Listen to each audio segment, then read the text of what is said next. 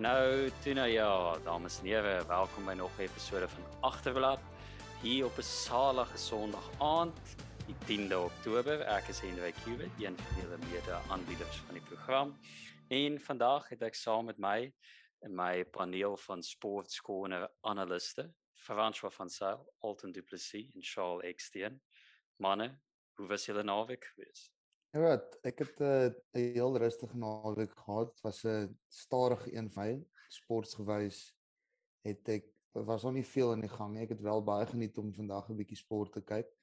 Maar nee, wat, heel rustig. Dankie, Kubit.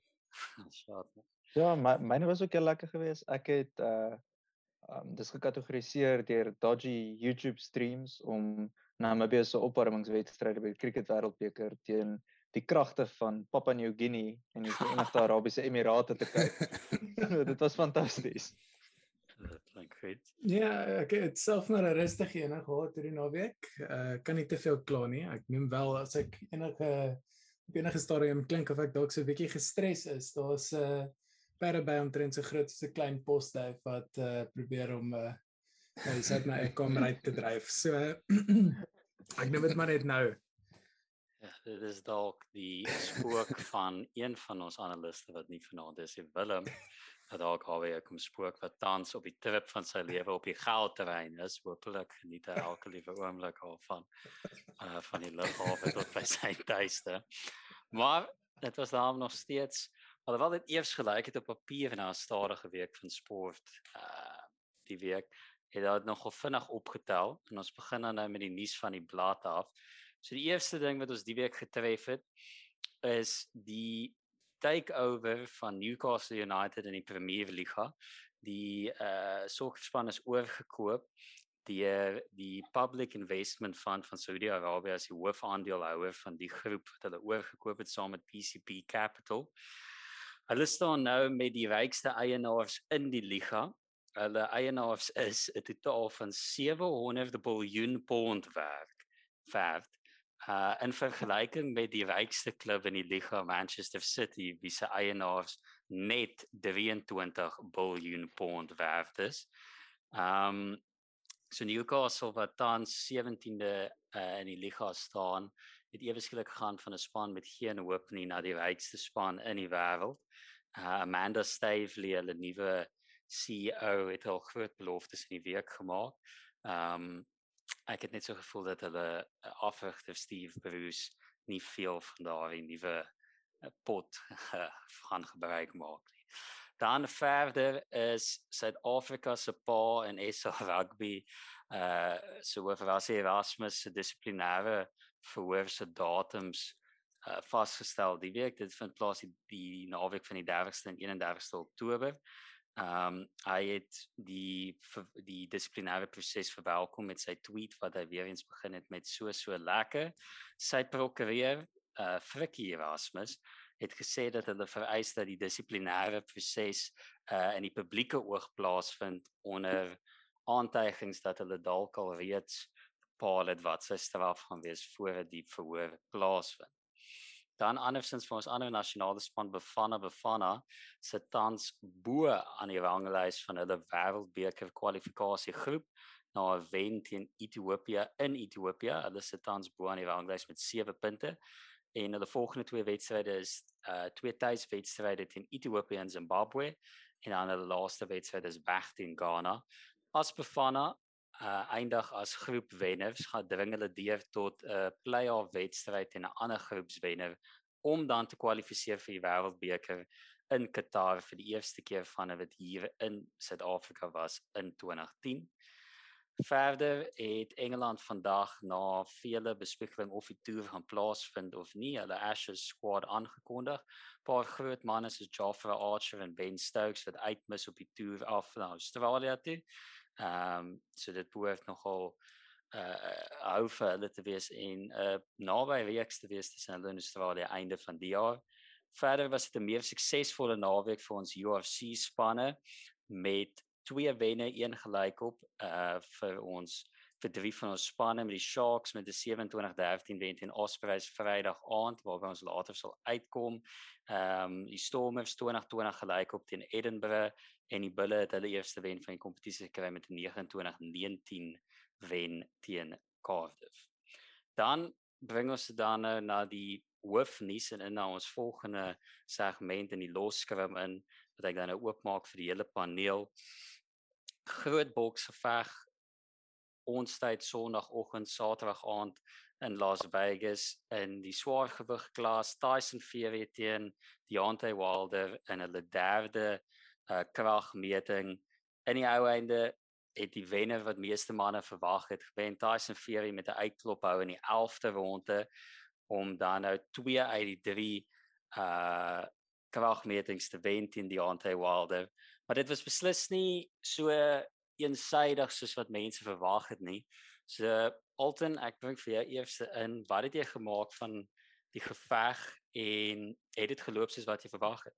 Ja, dankie. Um so dit het nie begin soos ek gedink het nie. Ek dink Wilder het eintlik nogal goed begin. Um wat ek geniet het van hom, veral in die eerste ronde, is hy baie half agter sy jab gesit wat ons nie gesien het veral in die tweede geveg nie. Um maar wat wat ek dink om nogal gekelder het. Ek het 'n bietjie gaan kyk na die statistieke.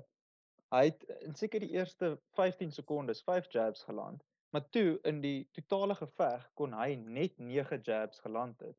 So ek dink sy hulle sê mos almal het 'n plan totdat hulle in die gesig geslaan word en ek dink dit is al wat gebeur het met Deontay Wilder. Hy het die geveg sterk begin en toe die eerste paar houe van Fury geland het en en veral toe hy na hy plat geslaan is in die derde ronde, toe kon mense half sien ehm um, die man weet nie meer of hy kom of gaan nie. Ehm um, en, en selfs vir sy afrigter wat toe ten spyte van al die talk wat hulle gehad het voor die tyd van hy gaan met 'n ander gameplan kom, vir hom net gesê het jy het 'n regterhand gebruik dit. Ehm um, so so ek dink Fury het net om uh, dis soos 'n 'n 'n ehm golf wat heeltyd teen 'n rots slaan. Hy het hom net begin weg eet, weg eet, weg eet en later het ehm um, die ander Walder net nie meer die antwoorde gehad nie. Ek dink dit is soos wat jy nou noem oor die five jabs wat aan die begin uh getref het. Ek dink wat vir my uitgestaan het is Wilder het baie vinnig begin as die vorige geveg en hy het baie meer vir Fury se lyf gegaan en dis vir my snaaks dat hy weg van dit af beweeg het en dit voel vir my hy het half vinnig uit die blokke uitgekom. Um die keer hy het sekerlik meer energie gehad aangesien hy die keer 'n baie ligter kostuum gedra het. Um maar hy het baie vinnig uit die blokke uitgekom. Fury het vir my glad nie soos homself gelyk in die eerste ronde nie en toe éventueel half soos wat Wilder in die begin momentum gekry het met hout en hout en Fury se lyf het hy half begin met sy taktik wat hy regdeur gebruik het om heeltyd op hom te lê. So baie dig maak van Wilder se begin. Ek voel hy was goed uit die blokke uit, maar toe éventueel het dit swaar op hom gedra. Ja, ek ek dink wat ons ook moet onthou is dit is die swaarste wat Wilder geweg het vir 'n geveg in 'n tydjie as ek nie verkeerd is nie. Is hy's definitief swaarder ook gewees as hulle vorige geveg. En alhoewel Fury ook swaarder was, het ek nou 'n bietjie gelees wat manne wat bietjie meer belese is oor boks as ek gesê het. Hulle het gesê Wilder het baie spiermassa aangesit waar Fury half meer um net massa by bygesit het. Um En, en hulle sê dit is 'n rede wat bygedra het toe dat Wilder so vinnig begin het en toe so vinnig moeg geraak het. Dis die ekstra gewig wat hy moes dra en die feit dat dit ekstra spiermassa was wat obviously ekstra van jou rooi bloedselle en, en daai goed vat. Ehm um, jy weet my bietjie dat Wari oor oor sy gewig wat opgetel het, want sy broek het ja. skaars oor sy heupe gepas. Hy wil hulle het gesê hy 20 pond opgetel vir die geveg. Dit was dit eventueel 9. Maar ek ek bietjie geworry aan die begin want ek dink sy oefeningsprogram na hy opbou na hy geveg was nogal half heeltyd begin stop as gevolg van hy het COVID gehad en twee storie van hom wat gewig opgetel het. So ek, ek het nog 'n bietjie geworry dat uh, sy gewig wat hy opgetel het half hom sou stop. Ja, en en hy het nog sy kind ook gehad wat in die hospitaal was met ernstige ja. siekte voor die tyd wat ook nog Ehm um, maar, maar maar soos jy sê, ek dink glad nie dit was Fury se beste geveg gewees nie. Hy was baie meer um vinniger en en um meer oortuigend in die tweede geveg gewees. En ek dink al al het Fury nog steeds baie op um Wilder geleen en goed, dink ek hy het baie meer as in die tweede geveg half as hulle in Engels sê toe to toe met Wilder gestaan of voor hom gestaan en gesê ek gaan jou nou of uitslaan wat amper bietjie uit karakter vir Fury is as jy kyk nou in die verlede teen Klitschko en en so Ja, is meer 'n counter ehm, boxer gewoonlik. Ja, ja, so um, wat ek wat ek wel dink is Fury het so half 'n punt bewys want mense het vir lank gesê Tyson Fury het nie slaan krag nie. Hy's nie 'n groot swaargewig kampioen wat jy gaan kom uitslaan nie, veral na die geveg teen of die geveg teen Klitschko. Um en ek dink hy het so half al was hy nie op sy beste nie, dit eintlik nogal 'n punt bewys vir baie mense van weet jy wat, ek is nogal ek is 6 voet 9, 2.06 cm en ek weeg 126 kg. Yes. Ek kan bietjie slaan ook. Al as hy 'n tref, ek ek sê ek seker enige ou wat sê hy het nie eintlik enige trefkrag nie, sal nie eintlik hou van hom of wil vat. Hy is 'n reus. Ek dink wat vir my wat vir my uitgestaan het ook ehm um, soos wat jy sê, ek sê vir Wilder die die krediet gee. Ek verstaan nie hoe hy so lank oorleef het nie. Want teen ronde 3, toe ronde 3 begin, die lyk het vir my al klaar of hy op fumes hardloop. Hy het stadig elke liewe keer was hy die laaste ou wat uit die hoek uit gekom het. Ek weet dis half 'n box cliché is, jy weet, staan eers uit die hoek op, wys jy's waar. Maar ek dink tog daar is 'n element van waarheid daarin. En ek sê vir hom gee natuurlik almal sê altyd jy weet hy het 'n punch of chance. Maar wil die ou slaan hard. Ons het in ronde 4 gesien. Soos wat jy sê Fury het half op hom aangedring en al, ons het half gedink as na ronde 3, okay, hy gaan hom vinniger ronde 4 gevinnig die geveg afsluit. En dit Wilder hom met twee houe geland. Fury is twee keer plat. Um ek dink hieso is waar hy verskonings nou in die pad gaan kom. Ek sien al klaar die samesweringsteorieë is uit as gevolg van 'n ek kan glo een aankondig die man wat in die, die Amerikaanse wat in die blou pak was was ek ken sy naam, ek weet Lennox Lewis was saam met hom daar, maar hy het aangedring ook ja, dis 'n stadige telling deur die skeieregter gewees. As jy gaan kyk na die na die replay daarvan, een van die elemente is ek dink 1 Fury is 'n ou, ons het nou gesien al sy gevegte wat wag tot ten minste 8 om op te staan om half energie en asem te skep. En Wilder Ja. het eintlik homself in die voet geskiet van jy is veronderstel as 'n ou plat is om na die neutrale hoek weg van hom af te gaan. En hy het na Fury toe gestap. Toe moes die ref eers omdraai vir hom sê gaan na die hoek en toe gaan hy weer aan met die tel. So ek weet ek, Ja. dit het vir my na 'n stadige telling gelyk en ek neem aan vir jou ook nie. Nee, ek en, en ek dink dit is soos jy sê Fury is eintlik baie takties met hoe hy opstaan van as hy plat geslaan word. So ek dink as die skeieregter vinniger getel het, sy in elk geval net vinniger opgestaan het. Dit het al- alhoewel Fury plat geslaan het, sê dit nie regtig gelyk. Hy het nie gelyk soos Wilder wat gelyk het jy's hierdie ou is in die moeilikheid. Nee, hy het so half ek ek sien op al die memes sê hulle ook uh, Fury het meer daar gelê en teleurgesteld in homself gelyk as enigiets anders. Um so Ja, ek het ek het dieselfde op ek het dieselfde opgelet. Hy het hy het half op die grond gelê met sy met sy gesig half na die grond toe gedraai. Hy het gelê op sy een skouer met sy gesig gedraai na die grond toe en gedink, "Dis hoe het ek nou toegelaat dat hierdie ou my uitslaan?" Maar ook wat ek wil sê in boks is dit nogal 'n algemene ding dat dat dat jy jy lê tot sê net maar die 8 telling toe. Gewoonlik is dit die die die maatstaf. Waar jy lê tot by die 8 telling en dan verder as dit dan dan kan jy net maar opstaan van daar af. Niemand gaan 'n oog knip as jy eers nog 'n bietjie bietjie op die strand lê daar op die op die kruitse vloer. nie. So Jy gebruik dit tot ehm, jou dis guns. dis 'n algemene ding. Natuurlik, hoekom sou jy nie? Dit is die die telling is tog daar's 10 sekondes. Of jy nou 4 of 8 gebruik wat wat gaan dit verskil maak as jy voor 10 opstaan? Jy dink is Ja, gewoonlik en- is die net- telling eens wil 10 net- sekondes. Ja, jammer ek inspreek, maar is gewoonlik soos dis 10 tellings. Dus dit is nie gewoon ek weet dit is veronderstel om 10 sekondes te wees, maar dit is nooit eintlik 10 sekondes. Dit is altyd soos 'n asem Nee, tussen tellings. So uh, ek ek net vinnig sê oor die oor die telling ook.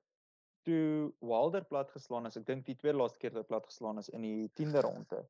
Toe die skeieregter vir hom die 5 en die 6 telling ook herhaal. Hy het dit meer as een keer gedoen. So dit is regtig uh, om te sê dis die stadige telling wat hom gekos het, dink ek is verregaande. Um en en ek dink dan ook wat ek nog wil sê is van my kant af dink ek die geveg moes eintlik baie vroeër gestop gewees het dit is eh, en vir neutrale toeskouers natuurlik nie goed nie, maar as jy kyk na Wilder, hy was vir ten minste ronde 10 en 11 nie meer in dit gewees reg, veral ronde 11. hy het Hy het gesweef. Ja, hy het op hy het op Fury gehang, hy het op die toue gehang en en ek dink eh, een ou wat nogal in sy mou lag na na hierdie affære is Mark Breland. Um uh Wilder se vorige afrigter wat hy Ja. afgedank het omdat hy die uh handdoek ingegooi het in die vorige geveg. En ek dink uh, Wilder se nuwe afrigter Malik Scott, ek dink as hy objektief na daai geveg gaan kyk na die tyd, sal hy dink luister, ek moes my ou bietjie beter beskerm het daar. Ehm um, want dit is waar boksers ernstige skade optel, is in sulke gevegte waar jy nie meer jouself kan verdedig nie. En dis en dis dis great vir neutrale mense, maar vir Wilder self is ek bang dat hierdie bietjie langtermyn skade, miskien sielkundige skade, um aanrig vir hom. Di- dis die ding ons het oor gepraat toe ons gepraat het oor die Sochi races in F1. Dit was ook gepraat oor die beginsel van sportouens en hoe jou afrigter of span soms jou van jouself af moet red. En ek bedoel as ons praat oor trots in F1, daar is eintlik 'n ding wat meer soos barbaars en trots is as twee ouens wat in 'n fight is. Geen ou gaan Ja. wil sê hoor die ou gooi die handdoek en ek's kapot. Soos ek eh, jy weet dis hoe ek dink soos wat jy ek stem 100% saam met hier vanaf ronde 7 was dit net Fury al die pad. Dit was het permanent in die half in 'n in 'n in 'n klem ingegaan met met Wilder. En hy het baie gebruik gemaak van soos 'n opstopper uppercut hou, paar keer hom lelik op die ken getref. En baie meer vanaf ronde 7 en ek sien uit in die onderhoud na die tyd ook daar gepraat. Mense het gehoor uh, Fury se afrigter het ook vir hom gesê gebruik meer jou jab. Soos Wilder laat hang sy hande. So sy hande is pap hier by sy maag half. Hy het geswaai asof hy buite Newbar en Stellenbosch is 12 uur op of 1 uur op donderdagoggend. hy het net laat baai. So sy hande het glad nie homself verdedig nie. Fury het die hele tyd met die direkte houe vorentoe. Hy doen hy kom altyd oor met die linkerhand. Hy's amper asof hy jou jou twee hande half uit die pad uit stoot met sy krag en dan kom hy met daai hakhou in om paar keer baie solidly connect en Oh die dit was die heel die heel eerste hou was ook so gewees. Toe Ah. toe die toe hulle toe die kommentator die heel eerste hou wat wat vir die uh werklik uh, nogal vir vir Wilder kon kon terugsit was so gewees. Ek dink hy het met die linkerhand um ek kan sien hy het regtig gegaan vir die hy het regtig gegaan vir die overhand left soos wat hulle dit noem nie. Hy het meer reguit deurgekom en en die handskoene van Wilder nader aan sy bors geklap en natuurlik in daai posisie was Wilder was Wilder maar 'n fish in a barrel. Dit uh dit Fury laat loop met die regter. Ek Ja. ek het dit nie so baie gesien in die in die in die in die stryd nie. Ek's nogal meer ek's nogal verbaas dat Fury dit net 'n paar keer gedoen het. Maar Fury is eintlik half meer bekend dat hy half 'n 'n binnebokser is. Hy kom half deur jou gloves deur as jy dink aan sy ek dink was dit in Schwarzer daai knockout en die vorige een teen Wilder in die hoek ook. Hy dryf jou gewoonlik na 'n hoek en dan sit hy heeltyd binne binne en die keer het hy baie meer van buite af omgekom want Wilder het heeltyd sy hande laat sak en hy het baie meer in die klem, hy het permanent hy was baie keer gewaarsku as gevolg van dat hy hom half in 'n chokehold het. Um maar hy het elke keer in die klem Mm. half met die met die uppercut deurgekom en dan omgeswaai met die hakhou. So ek dink net soos wat Alton sê, ek dink teen 'n punt, dit was lekker om te kyk. Ek dink dit was 'n classic, maar ek dink net teen 'n punt hier teen die einde, dit was dit half meer 'n wanneer gaan dit eindig in plaas van 'n Ons kyk in moord. ja, dit was dit was nie Ja. ja. lekker ek dink vir sy Ja, ja, ondersteuners om te kyk. Ja, net 'n vinnige nota oor oor hy wat sê hy wat hy wat meer 'n binnebokser is en in hierdie stryd meer uh, buite omgekom het. Veral met sy regterhand. Die, ek het gesien sy linkerhand was baie meer ehm um, was baie laer gemik geweest. As jy buite om boks is jy geneig om hoër oor te kom, soos wat ek dit verstaan met my beperkte bokskennis. Dit is daar was dit nie dalk 'n reaksie op ehm um, op die vorige stryd geweest waar hy Wilder se oor stukkend geslaan het. He. Dit kon al gewees 'n taktiek probeer Sy oor het implementeer weer so. Ek, gebloei ek vermoed in die fight. weer gebloei. langs die kant So getref. mm, so dit was ek ek vermoed dit is dalk hoekom ons bietjie meer van Fury buite om gesien het, val met die regter hierdie keer in die ronde. Ja. Ja, ek ek, ek dink die wat, wat Henry nou sê dit sy oorweeg gebly het. Ek dink dis eintlik des te meer nog 'n rede hoekom die geveg vroeër gestop moes gewees het want dit is regtig dis nou die tweede keer in twee gevegte wat Fury Wilder se oordrom gebars het wat dit begin bloei het. Ek neem aan dis wat dit veroorsaak het. Dis wat hulle spekuleer. Ehm so dit kan baie maklik ehm um, per permanente skade veroorsaak. Uh ek ek weet nie hoe ver ons die gesprek in in die gesprek na die toekoms ook wil kyk nie, maar ek sien nou ook ehm um, Anthony Joshua het sy rematch clause met Usyk ehm um, geaktiveer. Dink So hy so gaan dit binne lyk 6 my- maande hoe om te boks? Want dis al hoe hy gaan wen. Is as hy ewe skielik paar gym klasse gaan bywoon en hoe om te boks, want ek sien nie 'n ander resultaat daarin. Ja, ek ek, ek dink eintlik dis baie Mm. jammer dat dit gebeur het want ek dink Joshua Wilder sal nogal 'n Ja. interessante geveg wees en Ja. Fury Usyk sal eintlik die beter geveg wees. Maar dit lyk my Fury met nou volgende teen Dillian White fight. As hy sy Ehm, fight die 30ste wen. Want Ja, hulle- as hy dit wen. Want Ja. ek ek almal dink hy gaan, maar aan die ander kant almal het ook gesê Joshua gaan teen Fury fight. Hy het net gevinnig vir Usyk klop. Ja. Dis hy ringe rondom hom gedans. So Ja, ook baie ironies want Joshua het gekla by die Wilder Fury fight reg aan die begin. Het hy gesê ja, Fury moet uit die pad uit staan want boks het 'n unification fight nodig. En nou wanneer boks dit nou weer nodig het, is hy sê hoorie my ou rematch tyd.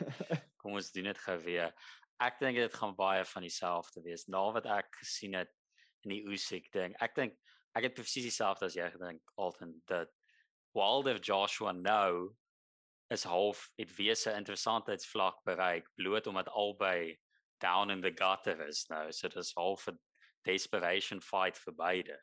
Ek dink dit sou nou Ja. baie meer sin maak as om weer teen Usyk te gaan. So ek dink die kanse Ja, dink Usyk Fury is eers ja. einde 2022. Ek dink Joshua teen teen Deontay Wilder is 'n baie ehm um, vir die neutrale ondersteuner is 'n baie baie lekker fight om te kyk want ek dink hulle albei se styl is redelik wild. So die kans dat dit dat daai die lengte gaan is ook min. So ek ek ek stem my hand is op vir daai en soos wat jy sê Fury Usyk is eintlik die is eintlik die die die die money fight sal ek nou maar noem waarin baie mense gaan belangstel om te kyk. Maar ek dink nie Usyk is noodwendig reg vir Fury nie. Ek dink ons het gesê hy hy, hy beklei teen White volgende as hy die 30ste wen. Dink dis maar dit is 'n goeie roete om te gaan. Ja, maar ek dink Usyk Fury is meer soos 'n regte boksers boksgeveg. Dis net twee ouens wat taktiek het. Dink ek Usyk sal 'n kans staan. Ek dink hy's te lig om eerlik te wees om om Ja. vir Fury al vir 'n uh uh gevaar te wees om hom uitklop hou te gee. Ek dink dit sal net plain. Ek dink dit sal 12 rondes gaan want hy gaan heeltyd met dans. En Fury Ja, is ja. sal enige tyd jy klop op die dansvloer nog ook en op die karaoke Ja. bar. So ja. Ek ek ek, dink ek het 'n bietjie notas gemaak vanmiddag. Ek dink die as Fury teen Usyk fight dink ek dit gaan baie meer soos die Fury Klitschko geveg wees. En ons het gesien hoe goed Fury daar was. Hy was in in daai geveg was hy byna 15 kg ligter as wat hy vir hierdie geveg was. So so Fury het daai dimensie ook en ek dink dis wat hom so goed maak. Uh, hy het die beste bokser op punte, Vladimir Klitschko wat vir 10 jaar kampioen was, gewen op punte en hy het een van die beste uitklophoue in boks ooit wat vir 5 jaar kampioen was, Deontay Wilder, gewen deur hom uit te slaan. So dit is nogal ek, ek dink dit sit eintlik in perspektief hoe goed uh Fury is want hy het nie net hy's nie 'n one trick pony nie. Hy het verskillende maniere van jou klop uh, wat ek dink nogal nogal amazing is. Ja, ek dink die boks het al ooit 'n ou sy grootte gesien wat so rats is in die kring. nie. So ek sien uit ek ehm um, ons sal nou maar sien wat gebeur met met Joshua Usyk en of Dylan White nou sy kans gaan gryp. Dit bring ons dan na die Ultimate Rugby Championship resultate vir die naweek. Baie beter naweek vir die Suid-Afrikaanse spanne die naweek. Ons het uiteindelik 'n paar wenne op die bord. Uh ons topspanne het uitgeblink. Uh wat het vir julle manne die naweek uitgestaan? Hy die resultate daar vir ons spanne. Boeta Chamberlain het vir my uitgestaan. ek dink hy was hy was die beste speler in die in die in die kompetisie omtrent gewees hierdie naweek vir my. Hy het 'n uitstekende loopie gehad daar met sy ek dink hy het- hy het wat hy 3 drop goals gesloot. Mm, Janie de Beer reborn. Ek kan nie wag om te sien wat hy gaan doen eendag in 'n in 'n Springbok terrein nie. Ek dink hy is die ek dink hy is 'n uh, een van die een van die beter ouens. Ek het hom al bietjie dopgehou. Hy was ook op, op in in Boyside gewees. Daai ek het aardsvyande. skool af My aardsvyande het baie goed gedoen hierdie week uh sportsgewys. Maar um, ek het ek het geniet om te ek het bietjie ek het bietjie gekyk hoe boet skool en so toe ek jong was en ja, hy was maar nog altyd die man gewees al by Boyside en nou bewys hy homself by die Sharks. Ek is baie baie trots op op op die parelskole wat wat goed deliver hierdie afgelope tyd en nog verder was die Bulle wat 'n baie goeie wedstryd gespeel het. Ja, ek het uh, die die Stommers wedstryd het ek so 'n halfuur laat ingeskakel want uh, ek het in die berg gaan. Hulle het ook 'n halfuur laat En- begin speel ook, ironies genoeg, want hulle was agter in hy wedstryd. Ek dink hulle Ja, het die eerste ja, ek- 30 minute gemis ook. Ja, maar ja, maar die ding is toe ek toe ek begin kyk, is ek dink dit was op 37 minute. Toe was dit reeds 2020. So ek het toe 43 minute se rugby gekyk vir niks punte nie. Dit was my gesteendes aanstoots. Um ja, toe het ek maar die die hoogtepunte gekyk en die Stommers het beter gelyk as van tevore want hulle het nie hulle het nie soos Wilder gelyk in die tweede helfte van die geveg teen Fury in die tweede helfte van die wedstryd nie wat hulle het in ander ander weke. Um hulle was nie fantasties nie. Uh daar's nog steeds baie werk. Ek dink hulle pak is is alright. Hulle agterlyn is nie so alright nie. Ek dink hulle kort van hulle springbokke terug, meer nog meer as ander unies. Um hulle sal dit miskien kan regmaak as daai ons terugkom, ek dink vir tyd en wyl totdat die springbokke terugkom, kan ek nie sien dat die stommers dramaties beter gaan raak as wat hulle nou gespeel het nie. Jy kort bietjie van daai flair in die agterlyn wat hulle net nie het met die mense wat hulle nou daar het nie. Warwick geland is groot pluspunt, goeie wedstryd gehad. Ek hoop hy speel goed die paar wedstryde nou dat ons hom miskien op die einde van die jaar toer kan sien. Ja, so as ons nou Ek dink as Warwick as Warwick geland, skus, as Warwick geland beseer raak is is al 'n bietjie moeilikheid in die in die ag in die agterlyn van die WP wat kreatiwiteit aanbetref. Ehm um, as Jo- Johan de Jong een van die meer kreatiewe spelers is, dan weet jy hy is klaar in die rooi. So uh ehm um, ek ek dink die ek dink die diepte gaan moeilik wees vir die WP hierdie seisoen. Ja, ek Ja. dink hulle het vir Mani Lubbock gemis op 10 ook. Ek dink hy was nog teen Munster was hy nog hy en geland het nogal 'n goeie dinamika tussen hulle twee gehad. Ehm In die eerste ek- helfte.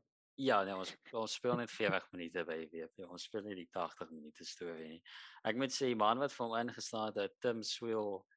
Ek dink hy het Boeta Chamberlain highlights gekyk, want hy drakel aan die einde. Kyk, ek ek like dat jy so baie selfvertroue in jouself het, maar dan moet jy ten minste naby wees. As jy gaan mis, moet dit net links net regs. Daai ding het nie 'n kans gestaan van die boot af. Ek verstaan jy wat die man se plan was daar nie.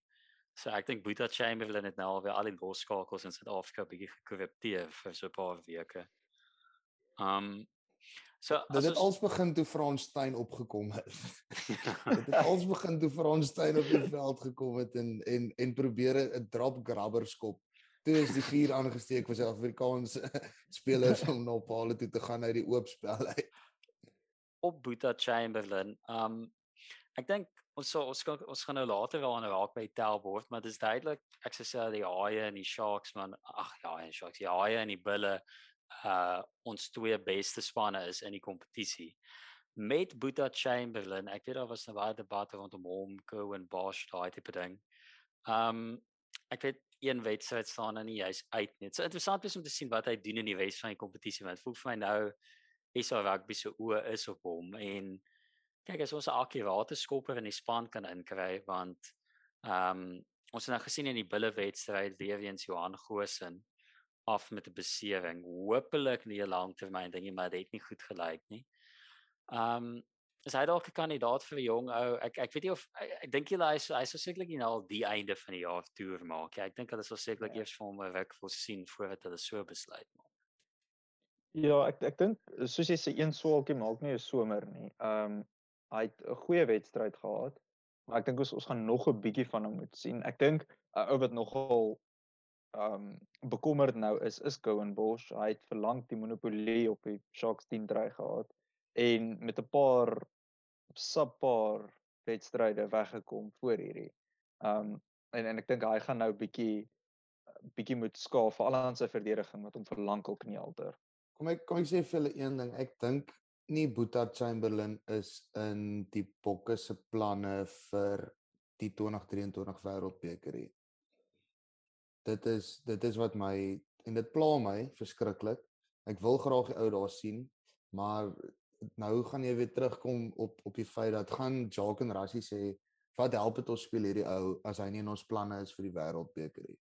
So ek vermoed ons gaan dalk vir Boeta in 'n try sien um in 2022, maar moenie dink hy gaan meer as twee wedstryde speel of dat hy enigstens 'n wedstryd gaan start nie.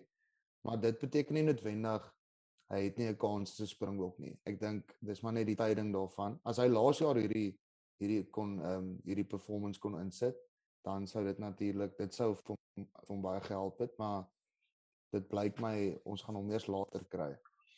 Ag ek dink soos jy sê, ek dink ons is redelik set op hoe ons ons wêreldbeker span tans wil bou en ek dink as hy nou in die kompetisie half naam vir homself kan maak sou dit goed doen. Net op die op die bulle wedstryd ook. Ek dink die rugby sosiale media was op pad om te laat waai met kritiek as die bulle hierdie wedstryd verloor het want hulle afrigter help nie juis nie met die teiken wat hy op hulle rus het. En die eerste helfte van hulle was baie sloppy geweest, baie ehm um, penalties weggestaan.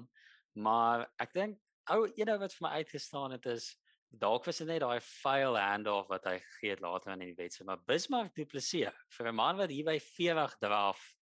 Ek weet nie, hy het nogal vir my uitges hy's nogal 'n ou man, lyk like my is al die ou manne wat nou weer terugkom in vorm in.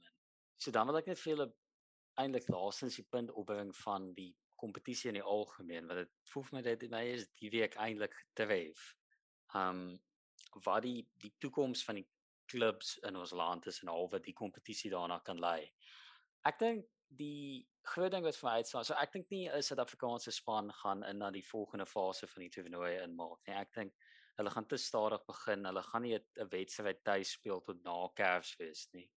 So ek dink in die tyd wanneer ons hier in Suid-Afrika land gaan hulle half uit die kanse wees om in die top 8 te wees. Maar dit is ook so dat die beste Suid-Afrikaanse span kwalifiseer vir basies nou vir klub rugby se grootste kompetisie. Die was altyd die Heineken Champions Cup, maar nou net die European Rugby Champions Cup. Dit basies vir mense wat nou nie regtig Europese klub rugby kyk nie, dis is die Champions League uh, in rugby. Ehm um, so ek dink die die die oor wat spanne gaan kry op baie kompetisies sal dalk spelers meer motiveer om by plaaslike klubs te bly. En die mikpunt is tog jy wil half op die grootste vlak speel in Europa en ek dink tog die daai daai enkel plek dink ek gaan baie groot kompetisie hê bloot net vir die geld wat dit sal inbring vir klubs. So ek ek vind eintlik weet wat julle gedagtes is van ag dalk net die die die impak wat die kompetisie dalk op SA rugby kan hê die die groei van spelers en van klubs en is dit 'n langtermyn ding wat dalk vir ons beter is as wat Super Rugby dalk sou gewees het as dit nog bestaan. Ja, so die Europese kompetisie, ek dink wat vir ons vir al ons jong spelers baie gaan baat van dit is dit is 'n bietjie ander tipe rugby as wat hulle aangewoond is in Suid-Afrika op skoolvlak en in die junior strukture en dan ook as wat ons gehad het in Super Rugby. Super Rugby was baie goed vir rugby ontwikkeling by ons geweest, maar ek dink die Europese kompetisie gee 'n ander tipe uitdaging wat ek dink baie spelers soos Warwick geland byvoorbeeld, ek dink dit gaan fantasties vir hom wees en vir sy ontwikkeling. Um ek dink die kompetisie as 'n geheelbeeld sal ons miskien help om meer spelers in Suid-Afrika ook te hou. Um dit is 'n ryker kompetisie as Super Rugby oor die algemeen. As jy kyk na die lone wat mense vir hulle spelers betaal, daar okay, die pond help nou. Um maar dit en dan ook dat ons mense nou daai Europese blootstelling kan gee wat ek dink dalk 'n uh, aantrekkingskrag vir spelers gaan wees om hier te bly. Wat goed is vir ons provinsiale rugby om die standaard hoog te hou. Ja, dit dit voel vir my dit dit gaan vir jong spelers wys. Luister as jy deur die ranks beweeg van jou klubspan, dan kan jy speel op hierdie groot hierdie groot stage, hierdie groot toneel. Ehm um, dan sal jy kan deelneem aan aan spanne soos soos Edinburgh byvoorbeeld wat wat nice is en 'n bietjie Cardiff toe gaan. Dit wys maar net as jy deur die ranks beweeg van jou van jou klubspan, is jy nie net vasgevang in in sê nou maar heeltyd 'n uh, Karibeker speel en dan hopelik vir 'n groot wedstryd ehm um, gekies word nie. So dit voel vir my daar's dit bied 'n geleentheid om vinniger deur ehm um, na 'n groter stage toe beweeg vir 'n jong speler. Wat soos soos julle sê meer jong spelers in Suid-Afrika sal hou wat ons uiteindelik gaan baat. sien ek sien dit uit want hopelik ek dink ek staan 'n groter kans dat een van my spanne die European Champions Cup wen 'n groot Europese klubkompetisie as wat my sokkerspan doen. So uh, ek weet nie wat dit meer sê oor Arsenal of meer oor die VP nie. Ehm um, dit bring ons dan nou aan na na 'n groot gebeurtenis vandag in die F1 wêreld, die Grand Prix in Turkye. Dit was maar na te ver weg deur. Dit het geëindig met Valtteri Bottas wat eerste geëindig het in sy eerste uh sy eerste race van die seisoen gewen het. Net agter hom was die twee Red Bulls van Max Verstappen en Checo Perez met Verstappen se uh, kampioen vyand Lewis Hamilton wat die 50 geëindig het. François, stadige begin na die races, dramatiese einde. Wat het jy gemaak van hom? Ja, ek het uh, ek het ongelukkig die begin van die van die races gemis. Ek uh, was nog iewerster besig met dinge gewees, maar ek het hier rondom lap 20 en ag ja, van wat ek kon sien, het ek hier rondom lap 20 ingekom en toe begin dinge so 'n bietjie optel. Ehm um, interessant eerstens is hier uit net nat races wat ons uh, hierdie week ou al is ek sê hierdie week hierdie jaar gehad het Ehm um, so dis eintlik lekker maar daar's verskriklik baie memes op uh, Instagram oor die feit dat uh, gewoonlik uh, waarheen F1 fans uh, se gunsteling ding is, is dit nou al op hierdie stadium ons grootste vrees. Ehm um, en dan met van die die race self, ek het ehm um, ek het verwag dat Lewis Hamilton absoluut vir Verstappen gaan injog voor. Ek het gedink dit gaan een van hulle twee was wat wen.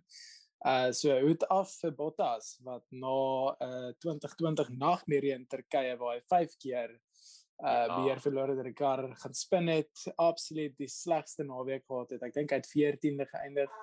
Uh om terug te kom te wen van dit af. Ja nee Massa Massa Memorial race is gehad. Ja van ja, 6 keer nee, spin by Turkye ja so uh, well done vir hom um ek is seker hy sal een of ander ding oor sy critics weer kwyt raak, maar dan uh, nooit ja, weer wen nie. Dis heel ja. en dan nooit weer wen nie. Ja. Ehm ja, um, ja uh, dit was interessant om te sien hoe die Mercedes karre definitief die die voordeel gehad het voel ek op daai uh, op die baan. Hulle was maar net in beheer al al het loos op die einde bietjie gesukkel om te volg. Dink die groot ding waaroor almal eintlik wil praat uh buite die feit dat Charles Leclerc nog 'n uh, wen verloor het wat weggegooi was. Ai ai ai. Ehm um, die arme kind, die arme kind. Ehm um, ai ai ai ai okay ja, toe maar in vergelyking ry hy basies my my Scuderia Polo La Vivo i8 basies teen hy F1 kar. So wat se kans het hy gestaan? Ja, kyk, is man, ek in vergelyking ry 'n vir 'n vergelyking ry uh, Fernando Alonso 'n cruiser want hy het stamkarretjies gespeel al bietjie in die reën vandag. hy het daai kar uh, gery op die eerste lap. Dis al wat jy gemis het. Hy het net besluit hy weier om te breek vir die eerste draai. En toe hy dit mis, dis hy ja. ek weet jy ek sal dit weer doen. Toe besluit hy dit hy sekerlik vir Mick Schumacher raak. sien toe onthou hy al sy resies teen sy pa. So hy vat so die sinke arme Mick. As kyk as hy 'n Land Cruiser ry, dan ry Mick 'n donkey car en hy as van hy het net hy het net dwarfs die hom gery. Die arme ou het vir 1 en 14de weggetrek en toe besluit Fernando nee nee nee nee, terug na 20ste met jou. Nou elk geval. Yes, ja, yeah. Schumacher flashbacks, see, kom on. Maar ja, Lewis uh, yeah. Lewis se pitstop, dit was half die ding wat ja, uitgestaan het. Ja, Lewis Lewis se pitstop was nou maar die groot probleem. Ehm um, dis eintlik 'n amper 'n 'n absolute teenoorgestelde wat by die vorige races gebeur het in Rusland waar Norris die call gemaak het om uit te bly waar die span gesê het nee nee en ehm um, ja dit het hom die, die plekke gekos en dis was dit Hamilton se beurt gewees al het hy aangedring daarop dat hy moet uitbly. Ehm um, eerlikwaar ek kan nie verstaan hoekom die span hom regtig ingebring het buiten om baie veilig te probeer speel nie. Ehm um, Hamilton het tyd verloor aan die einde van die van die die stint waarop hy was op die intermediates, maar dit gesê hy was ook nog steeds 15 sekondes voor Perez op daai stadium gewees. Hy was besig om trend miskien 'n halwe sekonde per lap te verloor met 10 laps wat oor is. Ek bedoel doen nie wiskunde, dis nie so moeilik nie. Daar was nie 'n kans dat hy Verstappen sou injaag op daai stadium nie. Hy was net te ver agter en Verstappen het baie baie ehm uh, nuwe bande opgehad en op die einde was dit daar was geen rede om te doen wat hulle gedoen het nie. Ek kan dink hy is lekker vies vir sy uh, race engineer en vir die strategy ouens. En uh, ja, dit het hom gekos, maar uh ek dink die groter loser eintlik vir die naweek was Verstappen gewees. Ehm um, hy het daai wen baie erg nodig gehad.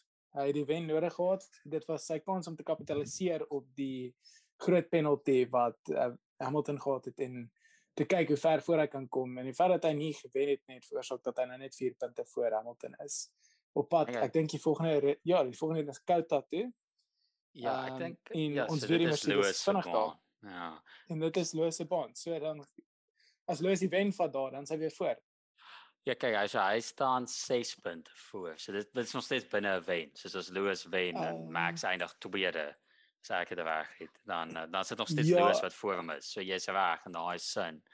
Ek ek dink hy het- hy het 'n alright race gery, maar ek dink dat dit half aanvaar het Mercedes. Ek weet ek sien Toto het nou het half gegrap dat hulle met V12s gery het in die ronde. Dis hoekom hulle engine soveel beter was. So ek weet ek dink Lewis sal ook spyt wees vir die posisies wat hy prys gegee het. Alton? Ja, Ja, ek, ek dink Mercedes het bietjie soos hulle Engels sê, they compounded the error want hulle het verloos gevra, ek dink om op die 42ste lap het hulle vir hom gesê hy moet inkom vir die pit en toe het hulle geïgnoreer vir 8 rondes en toe toe hy éventueel inkom, toe het hulle ehm um, of toe was dit te laat vir die intermediate bande om bietjie af te loop. Hulle het heeltyd gepraat. Uh, ek dink Jensen Button het heeltyd op op die kommentaar gesê die intermediate tires gaan deur 'n stukkie waar hulle ehm um, nie vinnig loop nie en dan begin hulle weer vinniger te loop. So ek dink Lewis het nie geluister toe hulle sê hy moes inkom nie en toe toe hulle éventueel vir hom sê hy moet inkom op daai stadium toe was dit nou beter om liewer net te probeer deurdruk. Want mense het gesien met met met Bottas, hy het vroeër ingekom en toe teen die einde van die race het hy begin wegtrek van van Verstappen af op die op die ehm um, nuwe bande. So ek dink hulle het al ek dink Loos moes ingegaan het die eerste keer toe hulle gesê het. Ek dink as jy in 'n kampioenskap race is op 'n nat baan en ja, dit was besig om droog te raak, maar nog steeds enigiets kan gebeur as jy op ou bande is.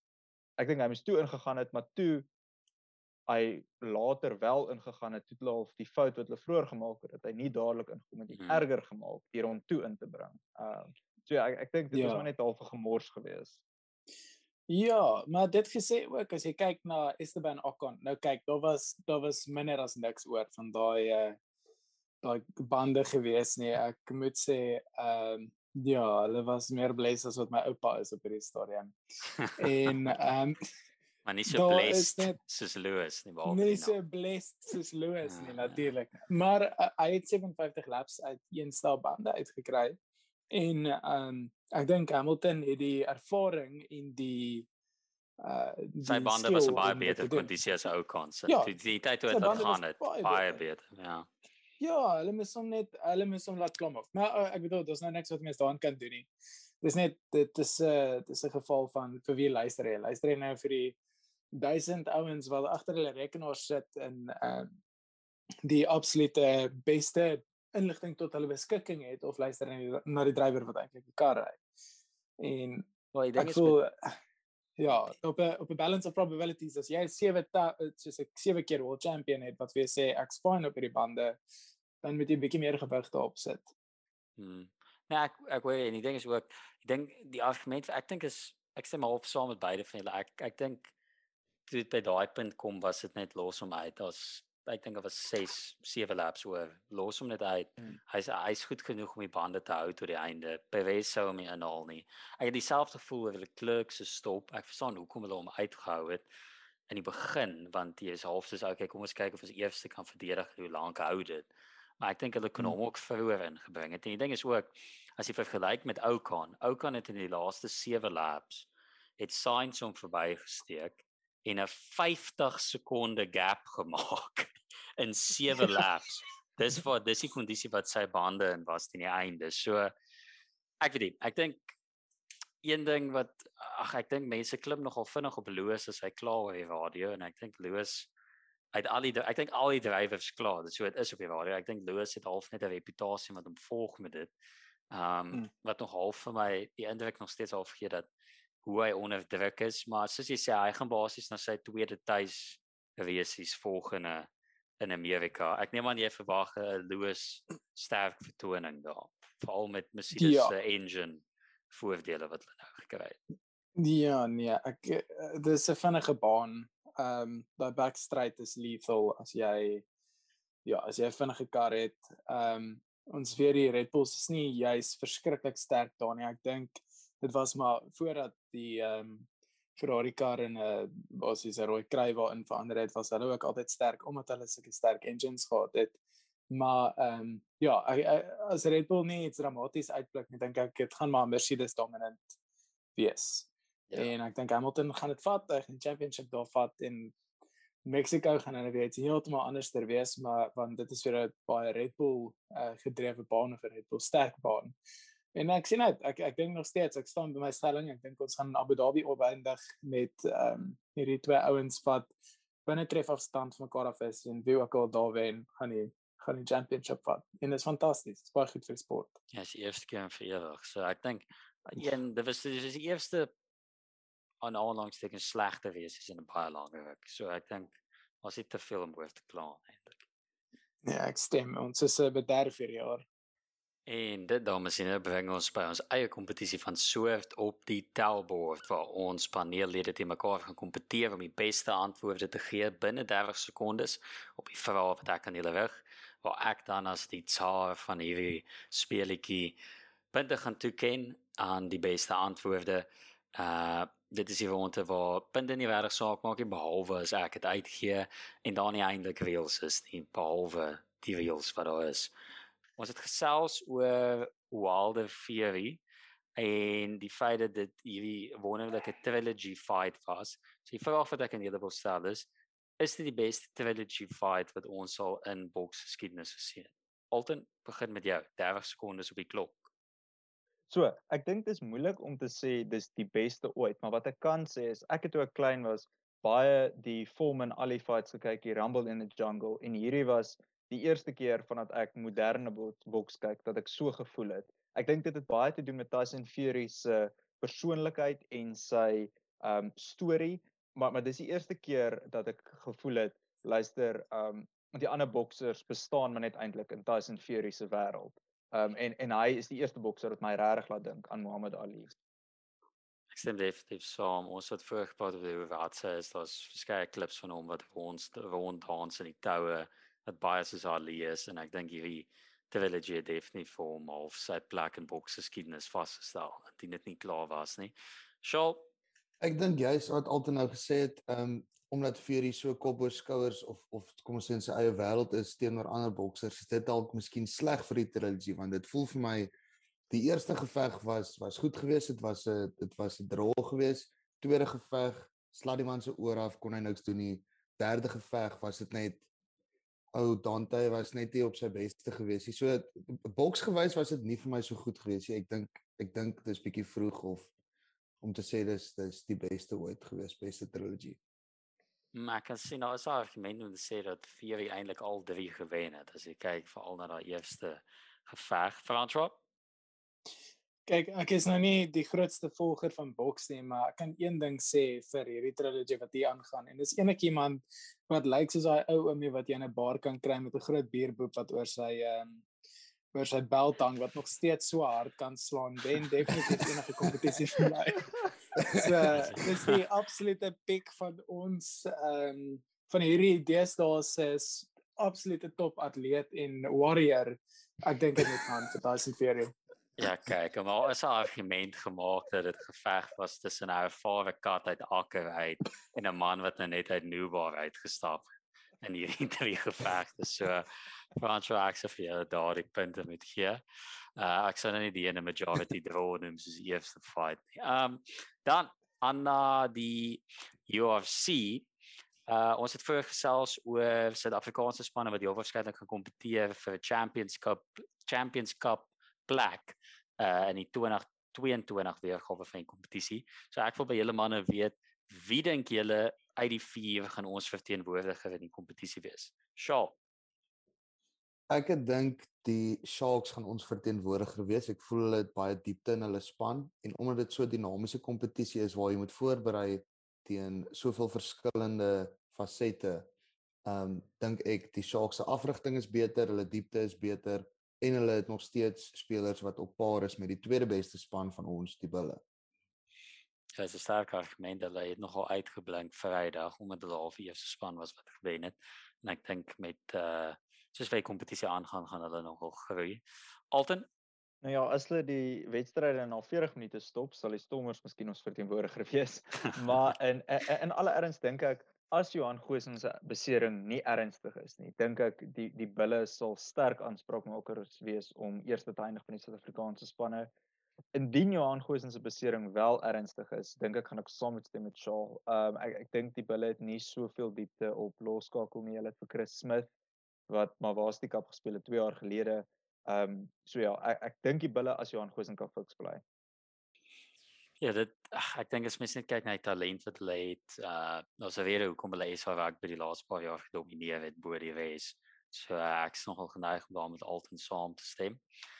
Dan laaste vraag wat ek aan julle wil vra, ons nou gesels oor Loos se uh, strategie wat bietjie uh uit die bus uit geval het en baie vingers wat gewys word na Mercedes wat gewoonlik hierdie masjien is en nooit sulke foute maak nie of hulle besig is om verloos die kampioenskap te kos. So wat ek aan julle wil vra is indien Loos nie sy agste kampioenskap einde van die jaar in Abu Dhabi kry nie, wie sal ons meer die vinger na wys om te blameer vir die feit dat hy dit nie gewen het nie? Lê dit op Loos se skouers of op Mercedes as 'n span? Ek sal Tjie, dis 'n moeilike een om te sê. Ek dink dis eintlik 50-50. Hamilton het foute al gemaak, die span het foute gemaak. Ek dink indien dit nie die indien hy nie kan wen nie, is dit eintlik uh, die onus op Red Bull omdat hulle 'n baie beter kar hierdie jaar gebou het as wat hulle enige jaar voorheen gehad het. Ehm um, maar ek sê sê dit is vir my 50-50 tussen strategie kos wat nie gewerk het nie en Hamilton wat ook soms 'n races of twee gevnooi het. Baie diplomatiese antwoord amper soos 'n Toto interview daar van François af. Ehm um, okay, so Alton So soos ek verskeie kere al gemeld het, ek is betreklik nie tot F1, maar in die twee resies wat ek van die begin tot die einde gekyk het, het ek nou gesien hoe Mercedes vir Lewis Hamilton regtig gehelp het deur hom in te roep verlede week of die vorige resies en hoe hulle hom vandag gekos het met dit. So ek dink om blame na een kant of die ander kant toe te sit, soos wat Frans gesê het, is swaar bietjie um bietjie verkeerd. Ek dink jy moet so half op die draad sit want albei het goeie en slegte besluite al gemaak. Okay, ja, ek dink eh, veral as jy die uit daai sample size uitneem, is dit nogal iets so uit definitief so uit te deel. Sjoe. Wat jy? Wat jy vir sê? Ek moet sê as as altyd hierdie as altyd hierdie resies los deur gekit verdien hy die punte vir hierdie ronde. Maar verder ehm um, verder moet ek sê dat ek dink as as ons ons kan nog nie dit beslis nie. Ek dink ons sal in die volgende resies sien uh die volgende paar wedrenne sien of Loos nog steeds geneig is om teen sy span te gaan. As dit die geval is, dan moet dit op Loos wees. Maar platante foute van die span kan dalk deurkom in die volgende paar weke en dan kan dit aan 'n kant toe skuif. Ek sê nou maar aangesien ons almal baie diplomaties is, dat die punte tussen almal deel vir daai ronde. En dit bring ons dan nou na die agterblad saal van 'n room ons hoek van helde. So ek wil by julle manne weet wat se sportster het vir julle uitgeblink in uh van DSV se sportweek of die voorafgaande sportweek. Shop. Alright, so my my held vir die week is snaaks genoeg Valtteri Bottas yes. wat 'n ou is wat 'n 'n wen ek is 'n 'n 'n stoere Red Bull fan. Maar ek moet sê dit was lekker om te sien hoe hoe Walter weer bo staan en ek voel hy het 'n wen verdien na wat hy vir die span gedoen het en hy het baie hy het maar swaar die jaar sover gehad in die sin dat hy was meestal maar in die skaduwee gewees en nou die een kans wat hy gehad het het hy dit gevat. En dit bygesê hy was dit was onder ehm um, moeilike omstandighede dit was hy dit was 'n modderige resie gewees ehm um, Ek moet sê dit was dit was 'n uitstekende vertoning van Walter Huys my held van die week. So my held van die week is nie 'n huidige sportster nie, maar iemand wat ek glo 'n toekomstige sportster sal wees. Uh dit was die afgelope week die Cape Schools week vir skole cricket waar die Wes-Kaapse skole teen die Oos-Kaapse skole speel. En sosiaal vroeër gemeld het, dit was 'n goeie week vir sy aardsvande by uh die Hoër Jongensskool Parel. En hulle kaptein Gysbert Wege het in die vier wedstryde wat hulle gespeel het, 300 hulle geslaan. Hy het altesaam 513 lopies teen 'n golf gemiddeld van 257 gemaak. Um, en die hoogtepunt is absurd. Dan en die hoogtepunt spook het gekom. en en en die hoogtepunt van die week was sy 240 nie uit nie in 'n 50 balbeurte wedstryd uh gister teen Somerset College uh, Somerset College wat in hulle laaste twee wedstryde, laaste 250 balbeurt wedstryde meer as 800 lopies afgestaan het. En uh, so ek dink hulle is 'n bietjie facefoos soos Deontay Wilder. okay, dit is nogal genigter. Dit is dit is nou 'n stukkie statistiek daai. Daai dit is baie baie goeie uh kandidaat van jou François. Kyk, ek gaan nou maar terug na my vorige stelling toe. Ek dink held van die week moet gaan na Tyson Fury toe. Ehm um, die feit dat hy elke liewe man wat al na 'n paar brandewyne gesê het, ek kon daai ou gevat het, reg bewys het. Hy verdien 'n absolute prys. Ehm um, anyway, vir helde, ek dink ons kan 'n standbeeld bou vir die man want dit het sommer vir my nou ook 'n bietjie inspirasie gegee vir hierdie week wat kom. Ek nee, dit is nogal ek moet sê ek ek wil nog een ding uitgewys voor ons daar praat. Hy het hy het um, heeltyd vir vir Wilder uh nee, dit toegelaat word as 'n woord nie. Ja, ek sê ek maar uitbliep sin nie doen nie, maar almal wat die onderwys wat hom 'n dasser genoem het, die hele opbou van die geveg en sy sitplek waarop hy gesit het yes. in die hoek was 'n foto van Wilder waarop hy aan sit. Elke liewe keer. So ek waardeer enigiets wat soos dit is. Ek sal sê sy sy entrance die week was vir my bietjie wild, maar ek het dit gelaik. Net is hy crazy story helmet. Ja, nee, hy daai ding lyk asof hy net gekoop was Halloween outfit wat die man af kon kry. Nee, dit is Ek weet ek het ja, ek weet self nie wat daai ingang was met daai klong wat gestaan in in aangebare goeie voor dit. Ek weet daai daar was ek ek ek ek verstaan ek ek waardeer sy gypsy heritage maar die uitvoering is is nee wat dit was ja. Ek het ook nie waar ACDC shook me all night long ingekom het by die Romeinse tema nie. Maar nou ja nee dit hy is definitief hy was een van my opsies ook. Ek sal maar gaan met Suid-Afrikaanse rugby se nuwe ster hopelik Boeta Chamberlain ek het 'n waardering vir enige losskakel wat 'n dropcall geniet. Ek is 'n groot uh Janie de Beer aanstander in 1999. Ek like enige wat besluit om net die punte te neem. En ek dink bloot die feit dat hy sy span geïnspireer het om ons eerste wen in die kompetisie te kry of wel nee die Lions uiteindelik eers maar half die bal in die rol te kry vir die naweek vir Suid-Afrikaanse spanne is definitief my held van die week. En dit dames en here is die eindvletjie wat blaas. Dit bring ons na besewingstyd toe. So dan wil ek net vir julle ouens vra wat staan vir julle uit op die kalender in die week van sport wat voorlê. So vir my natuurlik van cricket af, die T20 Wêreldbeker begin volgende Sondag met die eerste ronde. Dit is waar uh spanne in twee groepe uitspeel om te kyk wie die spanne is wat gaan deurdring na die hooftoernooi waar Suid-Afrika natuurlik reeds is. Dit skop af met Oman teen Papua New Guinea en Bangladesh en Skotland teen mekaar op die eerste dag um volgende week Sondag, so vandag oor 'n week. Ek sien baie uit vir daai manne daar uh aan die gang kan kry. vir die is altyd goed as 'n wêreldbeker afskop. Um is altyd lekker om net ander cricket te kyk terwyl dit aan is. So ek sien baie uit met dit. Um Shaw jy vir ons iets van ons uh, iets van ons met dop vir die week wat voorlê? Ah uh, ek sien meestal uit na na Twitter na die Wilder en Fury wedstryd. Ek sien daar's klaar video uh wat praat oor die handskoene wat wat wat ondersoek word deur Wilder se span. Ek dink dit gaan dit gaan dalk dit gaan dalk 'n uh, interessant een wees om dop te hou, maar behalwe vir dit, ehm um, die opbou na na rassie se se wat noem jy dit 'n hearing of wat ook al jy dit dissiplinêre verhoor sy dissiplinêre verhoor. Ek wil sien wat wat 'n rassie daar vir die manne spin. Ek hoop dit word gestream op YouTube en of hulle moet so 'n weet jy baie geld kan hulle maak as hulle sê, "Right manne, R30 'n kaartjie, lekker Twitch stream of so of jy kan skenk." Dit sal die coolste ding ooit wees as ek vir Rassie bietjie op 'n Discord server of so kan kry. So Twitch donation DMC. Twitch donation. Check die link maar.